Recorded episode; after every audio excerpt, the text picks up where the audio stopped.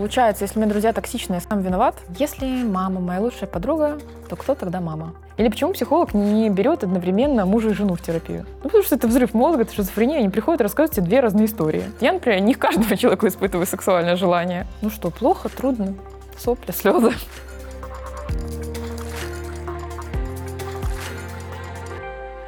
Привет, это «Пора к психологу» – проект, который помогает белорусам справиться с высоким уровнем стресса. Я Ирина Шумская, кризисный психолог, соматический терапевт, а я журналистка Алла Шарко. Вы, наверное, уже смотрели стримы с Ириной, э, в которых она отвечала на самые частые вопросы подписчиков. Если не смотрели, обязательно посмотрите на YouTube-канале, э, в Instagram и Facebook. Ну а сегодня мы решили сделать немножко другой формат. Это отдельный выпуск на отдельную тему, и эту отдельную тему предложила сама Ирина. Эта тема про социальные связи. Ирина, почему для нас так важно, что о нас думают и говорят окружающие? Я думаю, что дело не только в том, что думают наши окружающие, но и в том, что нас, для нас в принципе очень важна эта тема, хотя это и не очевидно. Чаще всего люди обращаются к психологу с вопросами про отношения с партнером или про отношения с родителями. При этом, если мы будем смотреть в корень проблемы, это очень часто про, про непринятость, неувиденность, неуслышанность и одиночество, которые рождают страх. Мир большой, холодный и страшный. И мне нужен кто-то, кто скажет мне, что со мной все в порядке, что я хороший. И я тогда почувствую, как мне тепло и хорошо, и тогда я смогу расслабиться и жить. Когда мы говорим про то, что нам важно мнение окружающих, там примерно тот же самый механизм.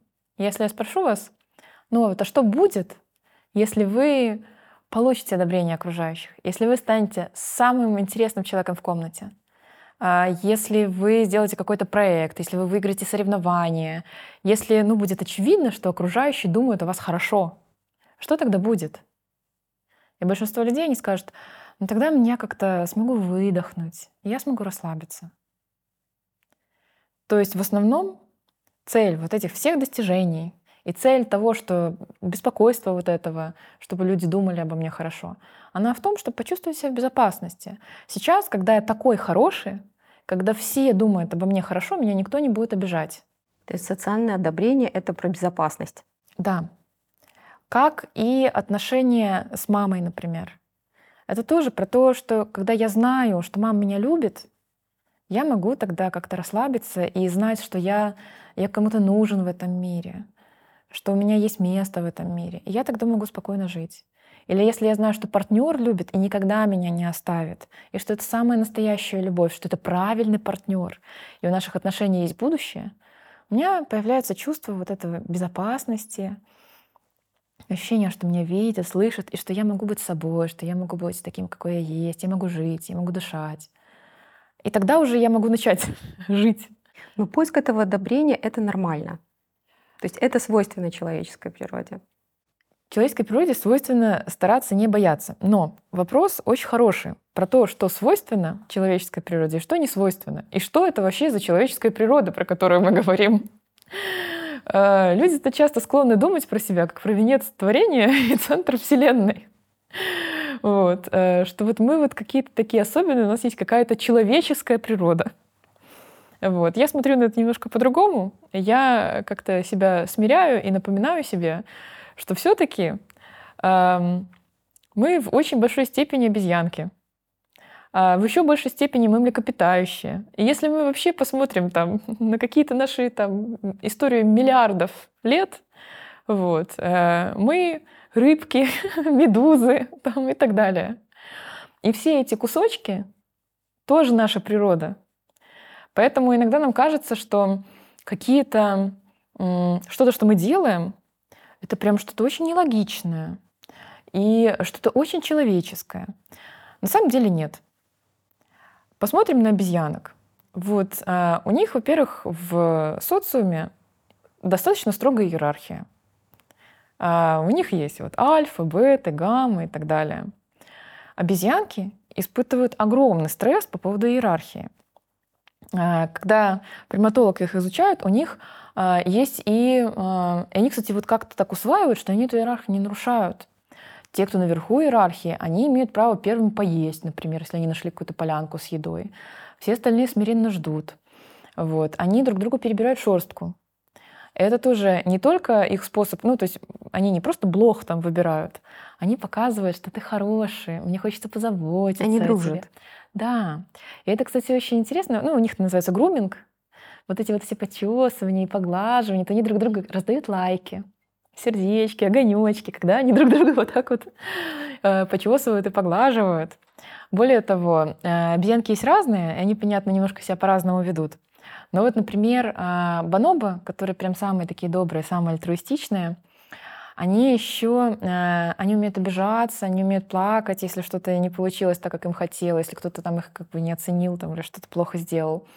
А, и они утешают друг друга. То есть у других приматов а, а, они иногда плачут там или показывают какие-то признаки вот э, печали, чтобы их не били, например, но они не умеют расстраиваться после. Я, в общем, про это рассказываю, потому что чтобы утешить собрата, они приходят, и они его тоже, вот они его грумят, они ему перебирают шерстку, чтобы он перестал плакать, и вот чтобы у него все было хорошо. И они, э, ну, естественно, таким образом стресс снижается. Более того, э, было же очень много и наблюдений, и экспериментов с обезьянками. Так вот, если обезьянку изолировать на несколько дней, она будет испытывать огромный стресс. Мы будем видеть это и поведенчески, и мы, если померяем уровень кортизола у нее в крови, мы увидим, что он повышен, что обезьянка, правда, очень стрессует. Если мы ее вернем вот, в сообщество, она успокоится, будет казаться, что у нее вроде бы все нормально, но уровень кортизола будет еще около трех месяцев повышенный. Она вот как-то ей нужно время, чтобы выдохнуть. У людей то же самое. Вот, ну, мы же не, ну вот как я сказала, мы же не слишком далеко ушли от обезьянок. И поэтому то, что нам нужно, чтобы мы э, понимали там свое место в иерархии, чтобы мы знали, как его можно улучшить, нам важно, чтобы кто-то говорил нам, что мы хорошие, грумил нас, перебирал шерстку. Вот. Э, ну, это нормально. Хороший такой мир обезьянок.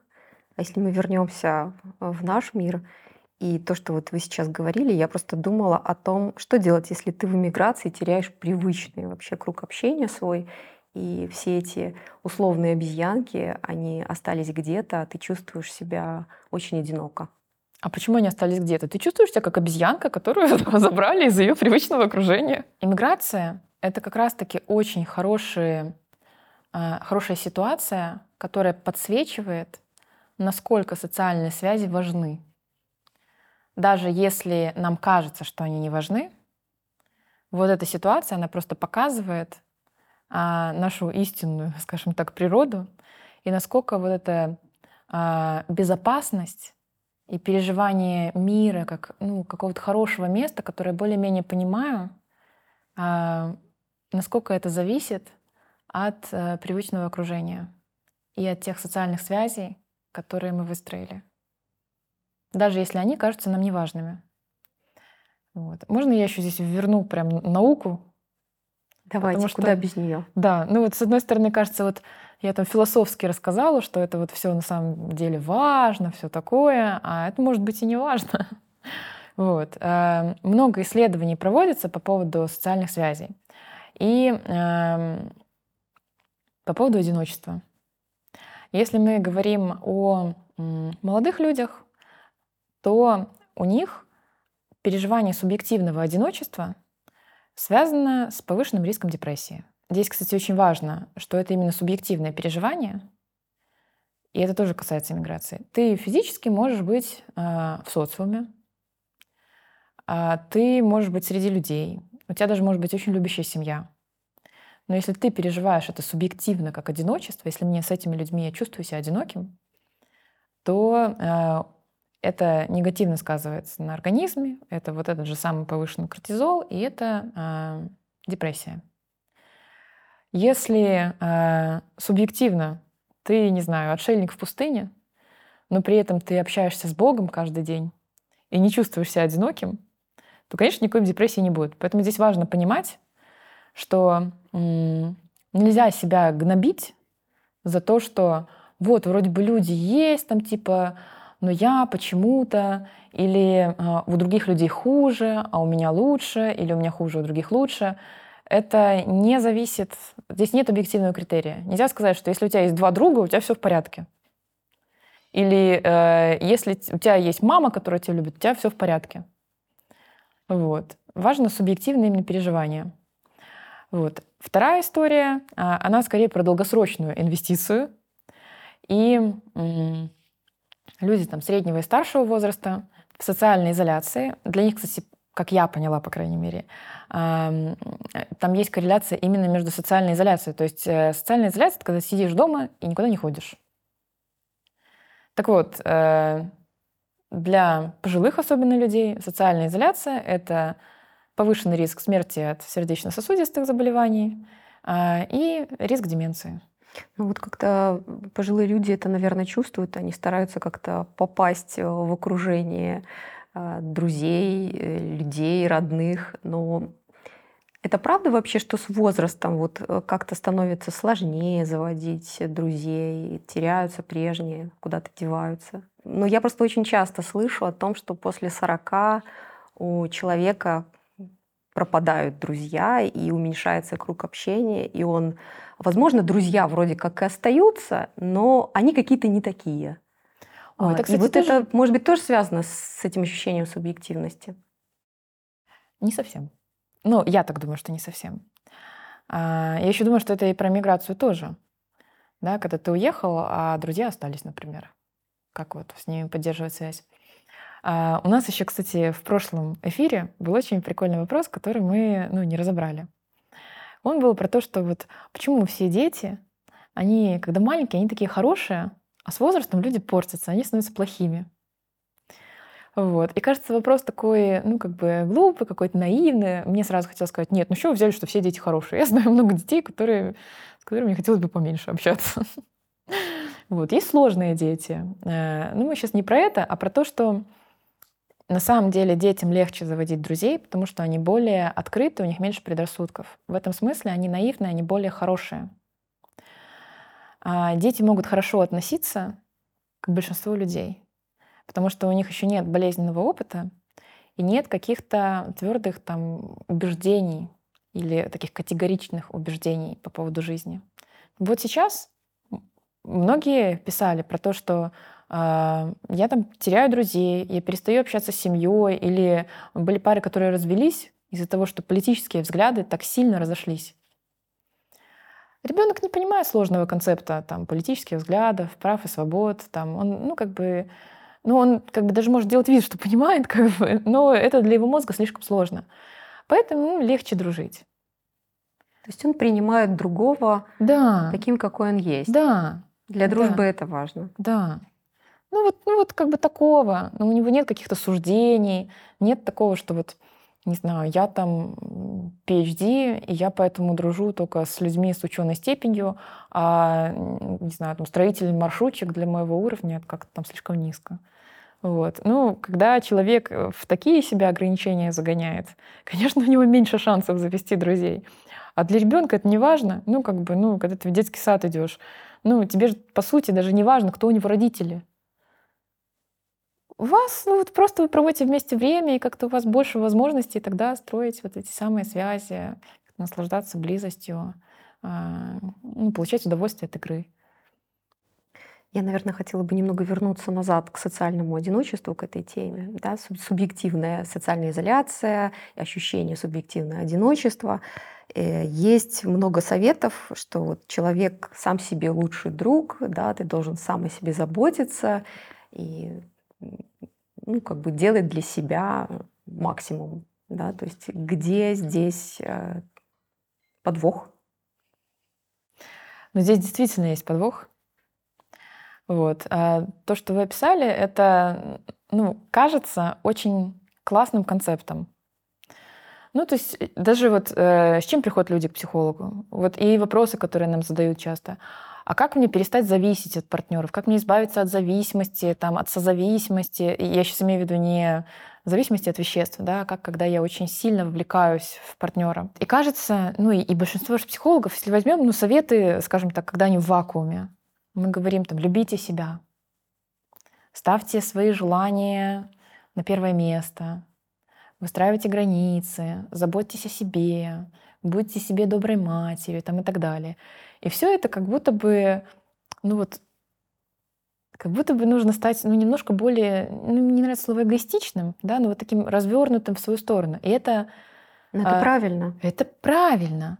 Но зависит от того, мне важен э, здесь контекст, из какой позиции, где начинается вот это действие, откуда вылетает стрела которая целится вот в эту самодостаточность там, и так далее. Если меня все так обижали, так унижали, что я больше, я устала от боли, я больше не могу это выносить. И тогда я решаю, что мне надо стать самодостаточной и заботиться о себе. Это тот контекст, который не принесет мне облегчения. По сути, я очень хотела, чтобы другие меня любили. Я очень прилагала к этому усилия, потому что, скорее всего, боялась одиночества. Пере, переживала стресс огромный от одиночества. Оказалось, что все мои усилия по отношениям с другими, по этой близости и принятию, они напрасны. Тогда я начинаю обращать внимание, ну, как бы разворачиваться вот на себя и э, оказываюсь в той же самой социальной изоляции, которой я боялась. И, скорее всего, в этом процессе, я не буду испытывать удовольствие. Я буду снова попадать в болезненное одиночество, где никто не может мне дать а, ответить, откликнуться на мои потребности. Я буду в мире, который злой и плохой, и в этом мире только я могу о себе позаботиться. А это ощущению расслабленности, безопасности, теплоты, переживанию смысла вообще, э, связанности с собой, с миром, с чем-то большим, это никак не способствует. Поэтому совет хороший, но если вот это, ну, это из вот этой позиции, из позиции вот из травмы, то это ни к чему хорошему не приведет. И если я э, из травмы делаю запрос психологу и говорю, вот мне важно наладить отношения с партнером, но изначально мне важно с ним наладить отношения, потому что мир плохой, никто меня не любит, и мне, чтобы почувствовать, что я в порядке, нужно обязательно-обязательно с этим человеком наладить отношения, то это тоже ни к чему хорошему не приведет. Улучшения, они как раз-таки будут, когда я начну понимать, э, что не только партнер, или вот, например, мама, да, как, какому количеству огромному людей нужно, чтобы мама признала, что она была не права. И кажется, что это принесет огромное облегчение. И это приносит огромное количество боли, если человек вот, ну, при живой матери должен искать а, материнское отношение где-то еще. Это кажется таким разочарованием. А на самом деле ведь нет. На самом деле, когда ты понимаешь, что вокруг много людей, которые готовы относиться к тебе хорошо, и тебе на самом деле не нужно от, именно от этого человека требовать, он не единственный, кто может удовлетворить, удовлетворить твою потребность. Вот это дает ощущение безопасности, исцеления, снижения тревожности и так далее. Тогда у меня есть ощущение, что не только вот не здесь только есть мое счастье. Вот. Это огромное облегчение. Сказали про маму, э, и я просто подумала, как много э, я слышу, что вот я для своего ребенка лучшая подруга, там, или наоборот, моя мама моя лучшая подруга, мой муж мой лучший друг. А, что вот вы думаете про такое сочетание? А, если мама моя лучшая подруга, то кто тогда мама? То есть это несовместимо? Я думаю, что это с трудом совместимо. Вот э, шаг с одной стороны в сторону, с другой стороны это будет хороший пример. Почему вот психологи такие как бы выпендрежники, и не хотят брать в терапию друзей. Но это же гораздо проще пойти к человеку, которого ты знаешь, и ему рассказать, значит, про свои проблемы, чем пойти к абсолютно незнакомому человеку. А если ко мне приходит друг, то мне надо каким-то образом внутри себя разодраться на две части, притвориться, что одна часть — Вот прям история про Билли Миллигана и его личности. Ничего не знает про ту часть, э, которая дружит. Для того, чтобы посмотреть на этого человека по-другому, увидеть какие-то э, его там позитивные стороны, а, или не подшучивать над ним, хотя мы друг на другом все время подшучиваем, да, а, или э, не говорить, а я-то знаю, что это по-другому, поверить ему по-настоящему. И вот так вот внутри себя разделиться, это, конечно, очень сложно. Или почему психолог не берет одновременно мужа и жену в терапию? Ну, потому что это взрыв мозга, это шизофрения, они приходят и рассказывают тебе две разные истории. И ты-то, значит, сидишь там, понимаешь, что вот а, тебе-то уже рассказали про этого человека, и он совсем другой. Ну что вот тогда, что он врет? Ну вот как это внутри себя выстроить нормальную систему? Поэтому, если у меня мама лучший друг, то мне тоже надо как-то разделиться внутри себя на две части. И с одной стороны быть подружкой, там, где мы равны, где мы можем делиться, где мы можем помогать друг другу. И потом переключиться и маме, и мне в нужный момент на ситуацию, где она мне мама. То есть когда мне нужно наставление, когда она сверху, не когда мы равны. Э, когда она сильнее, больше, умнее, она может взять меня на ручки, утешить, сказать, что все будет хорошо, и я могу ей поверить. То есть это не зависит от возраста ребенка? Ну, конечно, нет.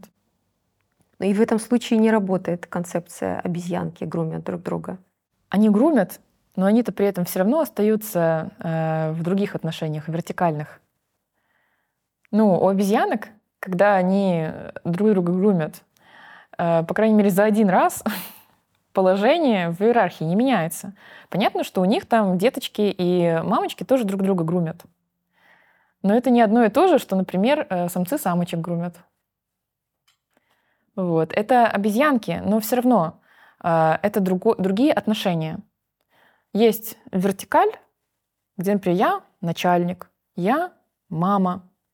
Кто-то больше, сильнее, умнее, и э, я могу ему довериться.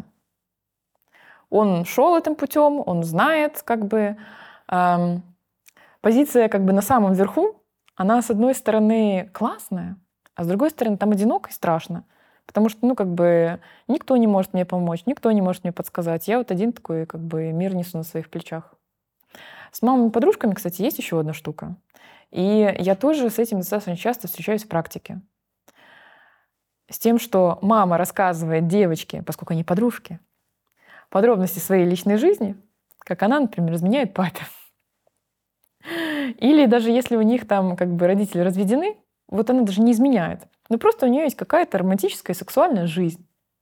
И она это начинает рассказывать девочке. Вот не было ни одной девочки, которая бы сказала, мне это так помогло в жизни, мне это было так хорошо. В основном всем очень неприятно это слушать. Более того, если у нас есть подросток, да, как бы или ребенок, ему вот эти взрослые штуки непонятно, они его перегружают. То, что человека перегружает, то для него травма.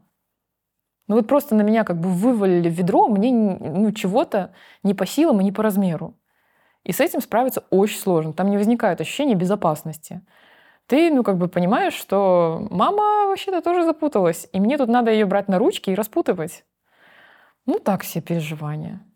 Окей, с мамой разобрались. А партнер? Ну, это же классно, когда вы дружите. Классно.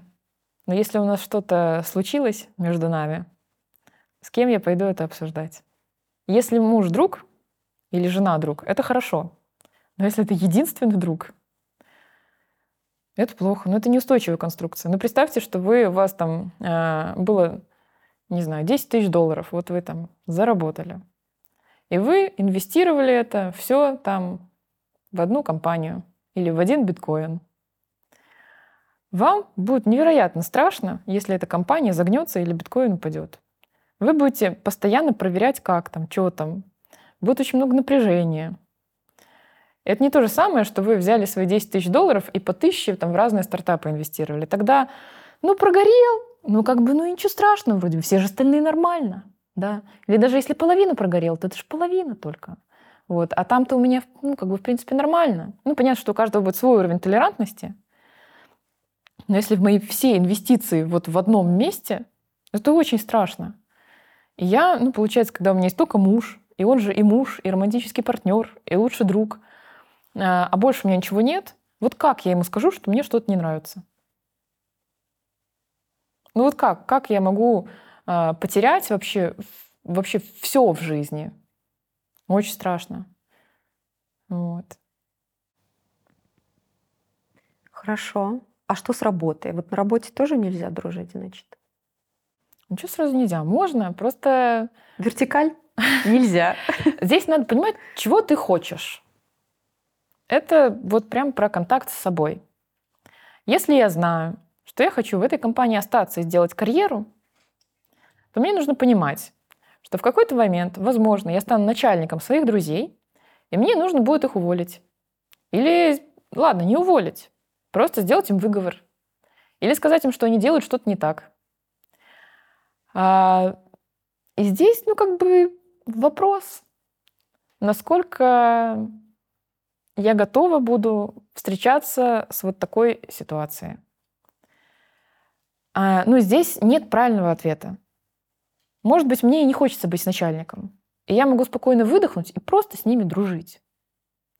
Может быть, я пройду процесс трансформации, как бы, когда я стану начальником, и я вот начну как-то тоже что-то задумываться и тоже думать вот о том, как э, человеку, которого ты любишь, к которому ты хорошо относишься, как ему можно сказать, что он не прав. Это для меня тоже будет какой-то личностный рост. Здесь просто вопрос, ну, надо мне это, в принципе, или нет.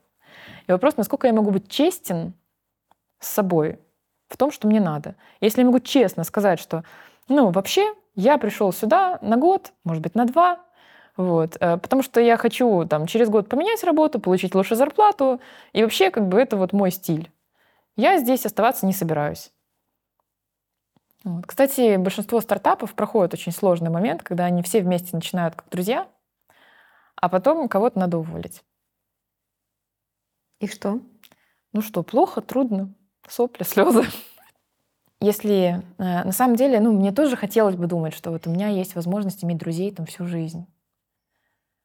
Но вот как мы уже говорили раньше, люди меняются, и они обретают какие-то более жесткие взгляды. Мне нужно понимать, важнее для меня остаться с этим человеком или придерживаться там своих каких-то э, убеждений. Если я достаточно гибкая, достаточно открытая, если эти отношения для меня очень ценные, я готова принимать человека, не похожего на меня. Нет никакого идеального вот этого совпадения. Нет такого, что вы нашли друг друга, и вы прям идеально совпали. Слушайте, это же повод поговорить про то, как начинается дружба. Как начинается дружба, Ирина? Спасибо, что спросили. Пожалуйста. Вот. Эм, дружба начинается э, с того, что мы находимся с кем-то рядом. Жил-был исследователь Теодор Ньюкомп, и он сделал такую штуку. Он выпросил у университета домик и сделал из него общежитие, где очень э, дешево стоили комнаты. И предложил студентам там жить в обмен на то, что они периодически заполняют анкеты, там разные опросники. И исследовал он именно дружбу. Оказалось, что, э, как правило, лучшими друзьями становятся соседи по комнате. Они причем там интересно экспериментировали, они селили максимально непохожих людей. А, им тоже было очень интересно, вот если два там, как бы, не знаю, технаря живут в этом доме, они законнектятся или нет. Так вот, все зависит от того, живут ли они вместе, на одном этаже. Вот. Э, самая большая вероятность была э, стать друзьями у людей, которые живут в одной комнате, по соседству или хотя бы на одном этаже. А уже даже дружить с теми, кто с другого этажа или вообще с другого общежития, ну, там стремительно снижается вероятность. А При... там в исследовании не было, что вот когда закончился эксперимент, какой процент вообще этих дружб он распался, потому что не было каждодневного общения? Вот это вот э, тоже интересно. Они там все, все, все, все, все исследовали. Конечно, какой-то процент дружб распадается. Есть разные круги общения. Но вот вероятность того, э, что даже если я не буду поддерживать с этим человеком э, какие-то постоян, ну, постоянный контакт, то вероятность того, что я испытаю какие-то теплые чувства, если я его встречу на улице, или если он поздравит меня с днем рождения, она очень высокая. И также у меня будет ощущение, что если что-то случится, я могу обратиться к нему за помощью. Есть друзья, с которыми мы в постоянном контакте.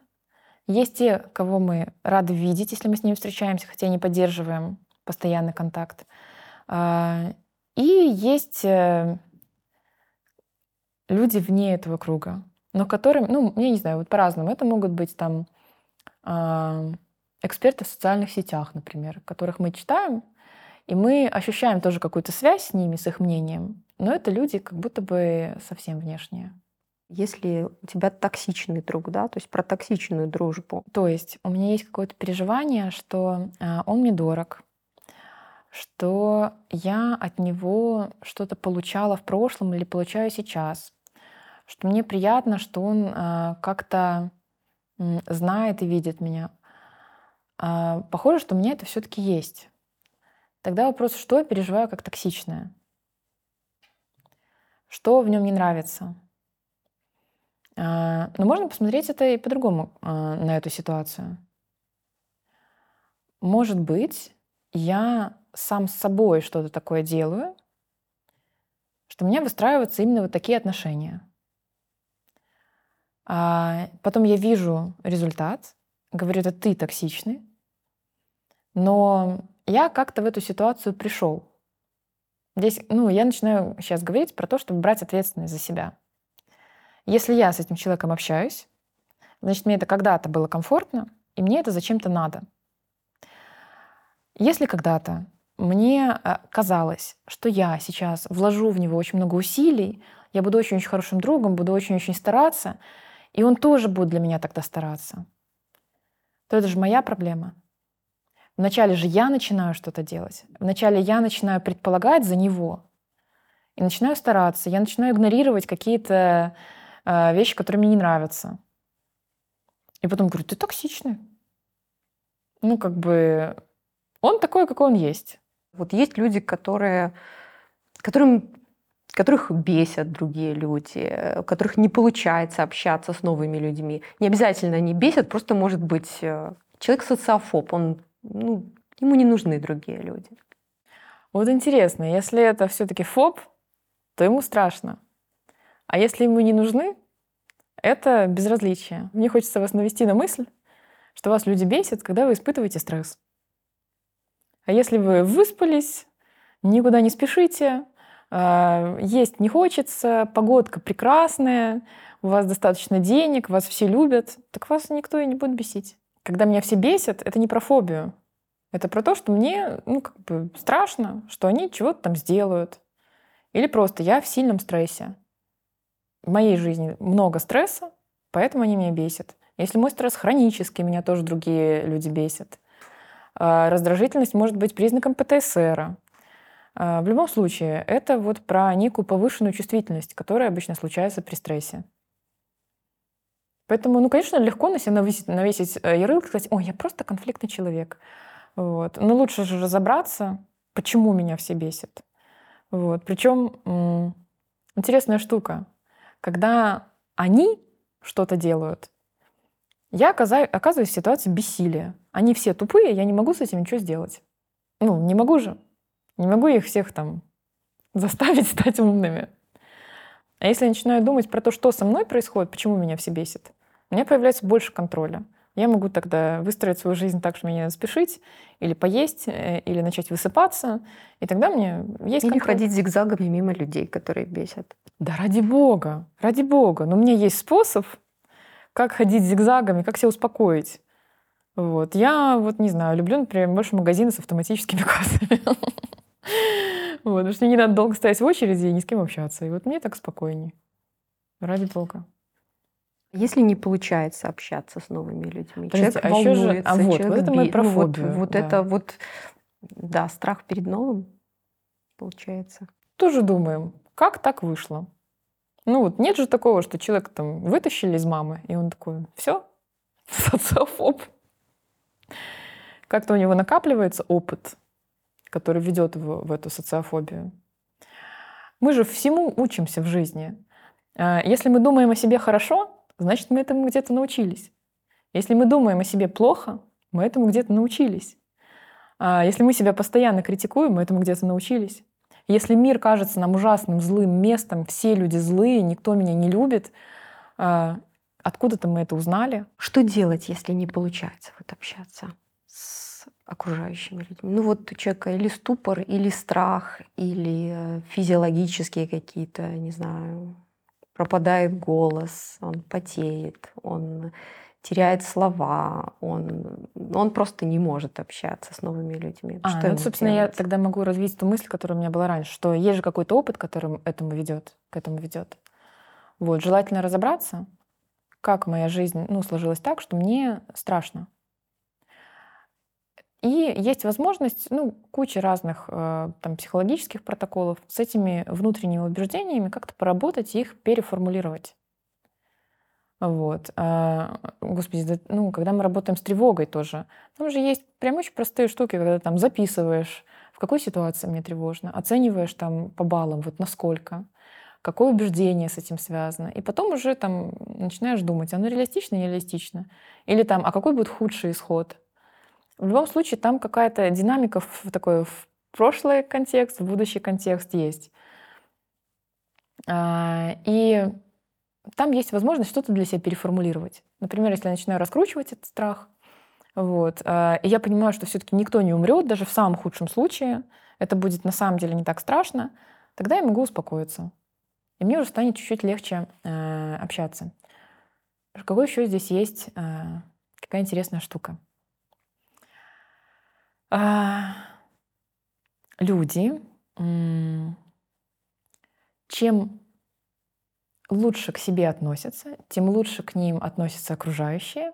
И это что-то, что становится самосбывающимся пророчеством. Если я уверена, что я абсолютно ужасный, как мне часто многие клиенты говорят, тяжелый человек, то я, скорее всего, буду как-то себя вести так, а, как тяжелый человек. И, скорее всего, окружающие тоже будут относиться ко мне немножечко там с опаской, например я буду думать, что я прав, и я на самом деле тяжелый человек. И тогда они еще будут более дистантны, а я буду еще более уверен в том, что я тяжелый человек. В конце концов, окажусь в изоляции, мне будет сложно общаться. Вот. Если я уверена, что я умница, красавица, там, и все-то меня любят, и вообще я всегда душа компании, то, конечно же, я буду более открытой, более раскрепощенной, более веселой. А, и людям будет со мной проще. И они будут давать мне вот этот фидбэк, ой, ты такая веселая, ты такая классная. И я буду думать, действительно. И, ну, как бы вот мое мнение о себе будет улучшаться. На этом очень часто построен, э, построено улучшение, которое происходит у человека, например, в группе поддержки или терапевтической группе. Он приходит с мыслью, что я уж такой уж сложный, и проблемы-то мои ужасные, и человек я пропащий, и куча у меня дефектов, и социофобия, и тревожность у меня, и, не знаю, травма на травме, и вообще никто меня не любит, и я такой одинокий. А, а тут, ну, как бы человек с альтернативным мнением говорит, вау, ты так интересно вот типа посоветовал, спасибо тебе большое. И человек вначале будет насторожен, но все равно его мнение о себе начнет уже потихоньку меняться, потому что ему будут давать другой фидбэк. Он начнет думать, ну да, я даю хорошие советы. А, начнет как-то более активно это делать. И кто-то ему скажет, ой, ты там столько высказываешь интереса к окружающим, спасибо тебе, вот мне так приятно, что ты всегда интересуешься. Он подумает, о, там кому-то приятно от моего общества. Возможно, начнет как-то более активно проявляться. И вот здесь у него есть возможность уйти в это же самое отбывающееся пророчество, но позитивное. Все, что мы о себе думаем, мы этому научились. Оно в прошлом может быть плохим, но мы можем переучиться. Это вопрос опыта, навыка.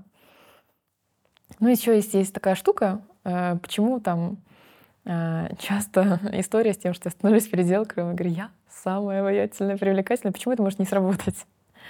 Потому что человек должен в это верить. Это не должно казаться чем-то наигранным, искусственным там, и так далее. Здесь важна моя интерпретация. Я часто рассказываю, что вот эти вот все там творческие методы э, в терапии, почему они важны и как они работают. Они создают пространство для нового опыта. Вот Дональд Винникот назвал это переходное пространство. И он описывал это как детскую игру. Ребенок играет в лаву, он прыгает с кресла на диван. Он в этот момент не сумасшедший, галлюцинации у него нет. Ребенок понимает, лава по полу не течет, там нет лавы. Если он упадет, то с ним ничего не будет. Ну, то есть, как бы ребенок это понимает. Но играет он от всего сердца, он очень верит вот в эту историю. И именно вот такое пространство создает возможность для изменений. Вот как раз-таки я здесь побуду э, тем психологом, который дает совет любить себя. Вот. Э, для того, чтобы найти друзей, своих людей, мне вначале нужно понять, кто я. И это тоже частая история в моей практике. Когда человек начинает понимать, что он-то про себя может ничего и не знать, и вдруг вот он осмеливается там чего-то хотеть, чем-то увлекаться. Вот это всегда штука э, случается, когда мне становится важно, что со мной происходит, я вдруг начинаю замечать, что что-то мне нравится. Когда я замечаю, что что-то мне по-настоящему нравится, я тогда э, в этом начинаю развиваться. Вот у нас, когда есть общий интерес с кем-то, мне гораздо проще с этим человеком подружиться. Поэтому, когда я начинаю ну, искренне интересоваться тем, кто я, что я, как мне чего нравится, я, например, могу понять, что я э, люблю шить, и найти тех людей, которые тоже любят шить. И у нас больше вероятность, что у нас ну, случится какой-то вот прям позитивный контакт, и у меня друзья появятся. Или я вдруг, не знаю, понимаю, что я очень хочу собаку. И я как-то завожу себе эту собаку, начинаю дружить с другими собачниками, и, может быть, там ездить на выставки — и у меня тоже совсем жизнь меняется.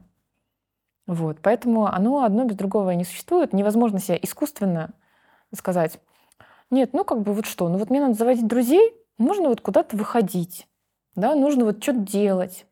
Я вот сейчас прочитаю, что обычно полезно, где как бы можно завести друзей, пойду туда, и, значит, у меня как бы все получится.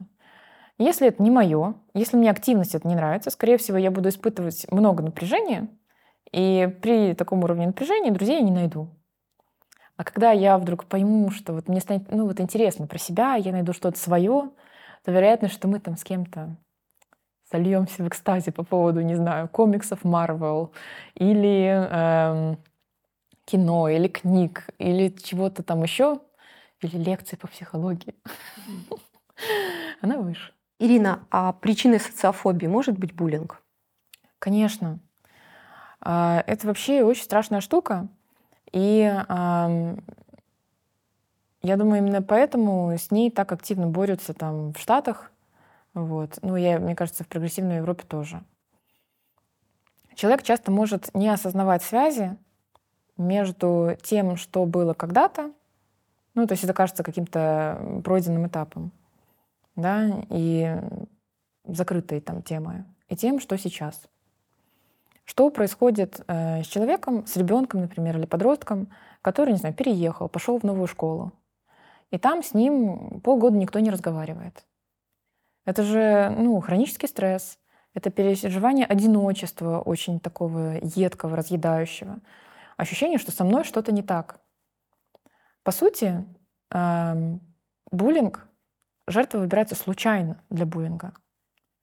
С человеком все в порядке. Жертвой буллинга может стать вообще абсолютно любой человек. Может толстый, может худой. Может заучка, может наоборот э, человек, которому важнее там весело проводить время. Шутник. Ну, как бы там нет вообще никаких критериев. Но главное, что у человека поселяется вот это чувство, что со мной что-то не так. Или, допустим, а, человек растет в каком-то неблагополучном районе. И там в любой момент просто, ну, просто нужно все время быть на стреме. И нужно, ну, в любой момент могут, не знаю, залезть тебе в сумку, порвать твои тетради или бросать в тебя после школы камни или куски льда там, или что-то еще такое делать. И человек говорит, что я там на самом деле хорошо с этим справлялся. Ну, ничего страшного, я умела ставить себя, меня, в принципе, в классе уважали. Но э, представьте себе там нервную систему, которая все время на стреме. Ну, как бы, ну, естественно, потом он будет избегать каких-то э, скоплений людей. Э, или будет очень осторожен, э, попадая в новый коллектив. Ребенок сменил школу, а, пришел в новый класс, и там вот, ну, его начинают высмеивать, или с ним никто не разговаривает. А, мы же не можем этот опыт выжить каленым железом вообще и как-то его там изъять из нервной системы. У нас пока что нет ножничек, чтобы все нейроны, которые там к этому относятся, убрать. Естественно, ну, как бы у меня не будет никаких даже сомнений, удивления в том, что такой человек не пойдет он в книг, э, не знаю, в книжный клуб или куда-то там э, вот в клуб по интересам с большим счастьем. Нормально, что он, конечно же, вначале будет относиться ко всем очень осторожно, враждебно, стоять в уголочке там, и так далее. Это ужасный опыт, он очень сильно влияет на человека, тем более в очень сильной степени на человека влияет то, что происходит с ним в момент там, каких-то э, перестроек организма. Да, э, подростковый возраст, гормональные перестройки, и этот опыт, конечно, он очень сильно формирует то, как человек э, начинает действовать потом. Вот, поэтому вот это само ощущение, что со мной что-то не так, и у меня никогда нет, не было друзей, например, и я в целом социофоб, и мне все это очень страшно, оно может быть сформировано вот этим опытом буллинга. Причем буллинг — это не, то, не только что-то, что происходит. Э, например, когда бьют, обзывают, высмеивают. Это может быть что-то, чего не происходит. То есть общение, теплой, приятной атмосферы или, в принципе, атмосферы, в которой можно расслабиться и не беспокоиться, что сейчас кто-то что-то сделает. Не всегда э, буллинг — это ситуация, где ты чувствуешь себя униженным, а, это там, где ты чувствуешь себя изолированным, или там, где ты э, не можешь никак расслабиться. Вот, это очень сильно влияет на человека. Поэтому, если кто-то из тех, кто нас слушает, понимает, что ну, это ваша история, здесь очень важно простить себя за то, что вам может казаться, что вы как-то там были слабы или э, не так отреагировали. Никто не может один справиться с коллективом или с атмосферой. Нет ничего такого, что один человек может сделать, чтобы остановить эту ситуацию. В это должны включаться родители, учителя. На самом деле, там, чтобы справиться с этой ситуацией групповой, нужно очень много усилий. Вы молодец просто потому, что вы смогли это пережить. А, это не определяет вас. И я думаю, что если человек ну, как-то способен, я сейчас буду говорить, может быть, пафосно, и может быть, как-то так непонятно, да, э, способен маленького себя э, обнять, поддержать, э, сказать, что ты молодец, способен как-то разместить внутри себя опыт, что все-таки он справился с этим. Мне кажется, что вот это будет путем к исцелению. Не изолировать и отвергнуть, и создать что-то противовес, а понять, что эта ситуация больше, чем один человек. Если ты смог ее пережить, неважно каким способом, ты молодец, ты выиграл, ты справился. Бывает ли у человека социальная изоляция, если он находится среди людей? Да. Первая достаточно узнаваемая ситуация — это когда у нас есть молодая мама, и она с ребенком или с несколькими детьми. Ребенок человек? Человек. Двое детей, два человека. Два человека. И кажется, ну как бы, и что часто говорят? Да что она выпендривается? Она же с детьми общается. Ей нравится общаться с детьми. Или мама сама говорит, да мне нравится общаться с детьми. Так вот, Э, общение с детьми — это э, не то общение, которое мы можем назвать социализацией. Это общение, в котором ты даешь, а не получаешь. Ребенок не спрашивает тебя, мамочка, как твои дела? Поделись своими мыслями. Да, там, или заберешь ребенка из садика, он такой, а твой день как прошел? И тут мама рассказывает. А тут мама рассказывает, и это вообще, короче... И ребенок уходит обратно в детский сад. Вот. Э, ну, как бы, если серьезно, то там про э, одиночество, изоляцию молодых мам мы как-то уже более-менее начали говорить, и мы наслышаны из практики. э, ситуация, когда перевезли подростка в другую страну, и, допустим, даже ему там выгоднее какое-то время оставаться на домашнем обучении, или даже его как бы э, перевезли и даже, ну, как бы, не знаю, может, его сразу устроили в школу, может быть, и нет. Но суть в том, что для подростка общение с родителями, братьями и сестрами – это тоже не социализация. Это ситуация одиночества и сильного стресса, которая потом ведет к тому, что у него и может когнитивные способности ухудшиться, и э, там ну, и болеть он может начать, и всякое такое. Для подростков важно общаться со сверстниками. Социализация — это что-то, что ты делаешь со сверстниками. Даже если твой брат или сестра твоего возраста? Ну, я думаю, что в этой ситуации там может, ну, как бы может быть вариант, что это не социальная изоляция.